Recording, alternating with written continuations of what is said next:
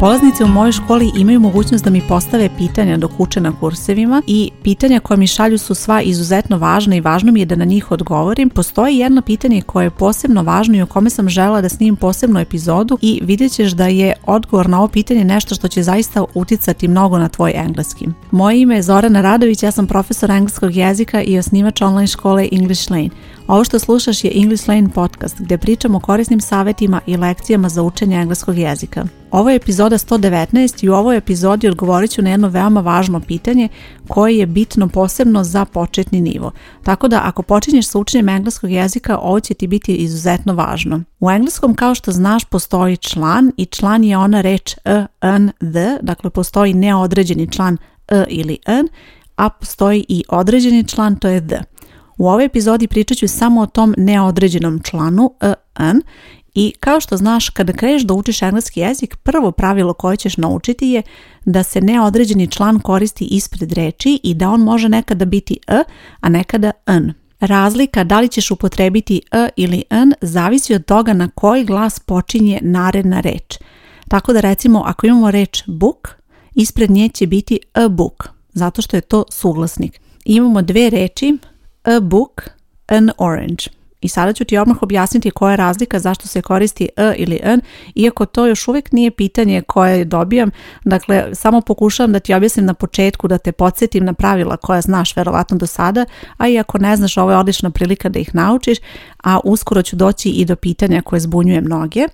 Dakle, imamo e book zato što je glas na koje počinje ta reč b, A book, imamo b. Kod druge reči imamo orange, Kod ove reči je samoglasnik na početku i zato će biti an, an orange. Pravilo je da ako reč počinje u izgovoru samoglasnikom, u tom slučaju ćeš koristiti an. I sada ti kad kreneš sa učenjem engleskog jezika naučit ćeš reči i naučit ćeš da li ispred koristiš a e ili an. Pa ćeš tako naučiti a car, a house, an apple, a tree, an umbrella, a table i tako dalje. To je nešto što će ti pomoći naravno i da napišeš prve rečenice i onda dolazimo do rečenice kao što je na primjer It's a house to je kuća. U ovoj rečenici koristiš reč house i ispred nje koristiš a e zato što reč počinje u izgovoru glasom h. Problem nastaje kada želiš da ispred ove reči dodaš neku drugu reč, odnosno dodaš pridev, da opišeš kakva je kuća i tu dolazimo do pitanja koje često dobijam. Šta se dešava sada kada se ispred reči house upotrebi neki pridev? Na ako želiš da kažeš old house, pitanje glasi da li ćeš reći a old house ili an old house. Ovo je nedomica koju imaju mnogi na početnom nivou i potpuno je opravdana. Dakle, ako znaš da imaš a house, logično je da će onda ostati i taj član. Član se koristi zbog imenice house i to je član a i sada ne očekuješ nikakvu promjenu u tom slučaju i očekuješ da će biti a old house. Međutim, u ovom slučaju fraza a old house nije tačna. Reč koja sledi posle člana, ako ona počinje samoglasnikom, član mora da se promeni. Dakle, ako kažeš a house, to je zbog reči house. Dakle, zbog reči house koristiš a. Međutim, ako želiš da upotrebiš reč old ispred reči house, onda će rečenica glasiti ovako. It is an old house. Dakle, sada će biti ispred reči old zato što reč počinje samoglasnikom, a onda se nastavlja house. Dakle, iako se član koristi zbog imenice, zbog reči house, u ovom slučaju moraš da pogledaš na koje slovo, odnosno na koji glas počinje reč koja sledi odmah posle člana. Inače, verovatno čuješ da pominjem glas na koje počinje neka reč, a ne slovo, zato što postoji razlika i to je nešto što ćeš učiti vremenom kada učiš engleski jezik, ali neće biti tema ove lekcije.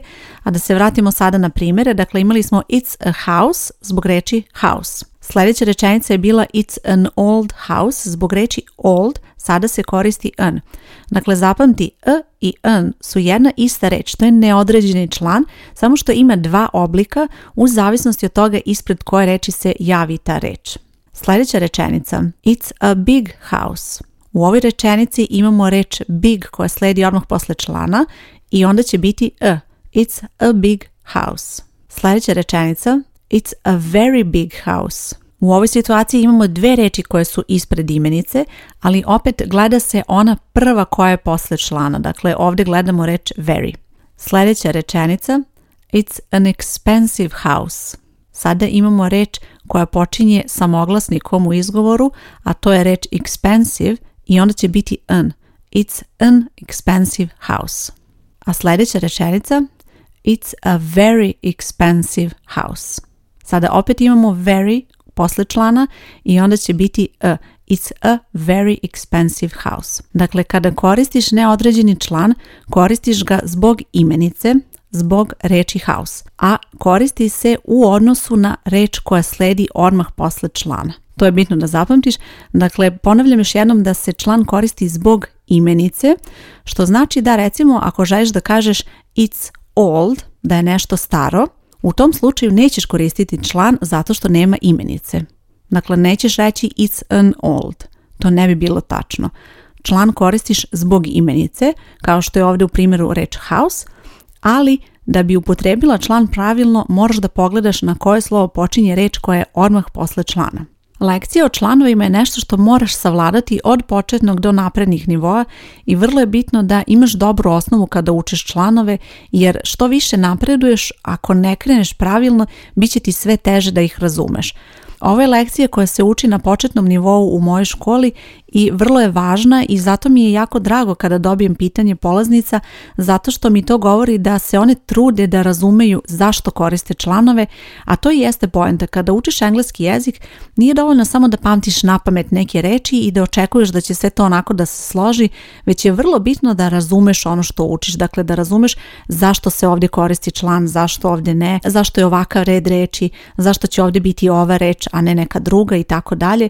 To su sve neka sitna pravila koja treba da zapamtiš i koja naravno učiš vremenom kako napreduješ sa učenjem, a ovo pravilo iz ove lekcije je nešto što je bitno da savladaš na početnom nivou zato što predstavlja dobru osnovu za dalje učenje. Dakle, kada ovo razumeš, ti više apsolutno nećeš imati nedoumica kada da upotrebiš e, a kada an i to je nešto što će ti pružiti mnogo više sigurnosti kada treba da učiš neka složenija pravila za članove i kada imaš recimo složenu rečenicu u kojoj treba da se upotrebi ili neodređeni ili određeni član i kada treba da primenjuješ neka druga pravila koja ćeš učiti vremenom, dakle vrlo je bitno da osnova koju imaš bude dobra, naravno ne samo za članove, ovo je bitno za učenje engleskog uopšte, zato i jeste moj fokus da ti pomognem da razumeš o sve o kvalitetnom učenju, kako treba da učiš engleski kvalitetno, tako da u startu imaš dobru osnovu i da možeš pravilno da napreduješ. Ono što treba da iz izbjegneš je da dođeš u situaciju da ideš do naprednijih nivoa kada je u pitanju učenja engleskog jezika,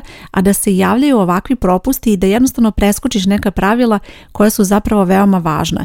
Jer u toj situaciji tvoj engleski će možda tebi zvučati ok i moći ćeš da se sporazumeš sa drugima, ali sa strane to će zvučati jako loše baš samo zbog tih propusta koje imaš sa početnog nivoa jer delovaće kao da ne znaš da upotrebiš neke osnovne stvari koje bi osoba na tvom nivou znanja trebalo da zna da upotrebi. Zato nemoj da sputavaš svoj engleski, već se fokusiraj na to da učiš kvalitetno, obrati pažnju na sva ta pravila koja su bitna, jer je to nešto što će učiniti da mnogo bolje pričaš engleski onima koji te slušaju, a i tebi će dati mnogo više sigurnosti. Jer nije moguće postići tečnost u engleskom ako nemaš osnovu i ako ne znaš pravila.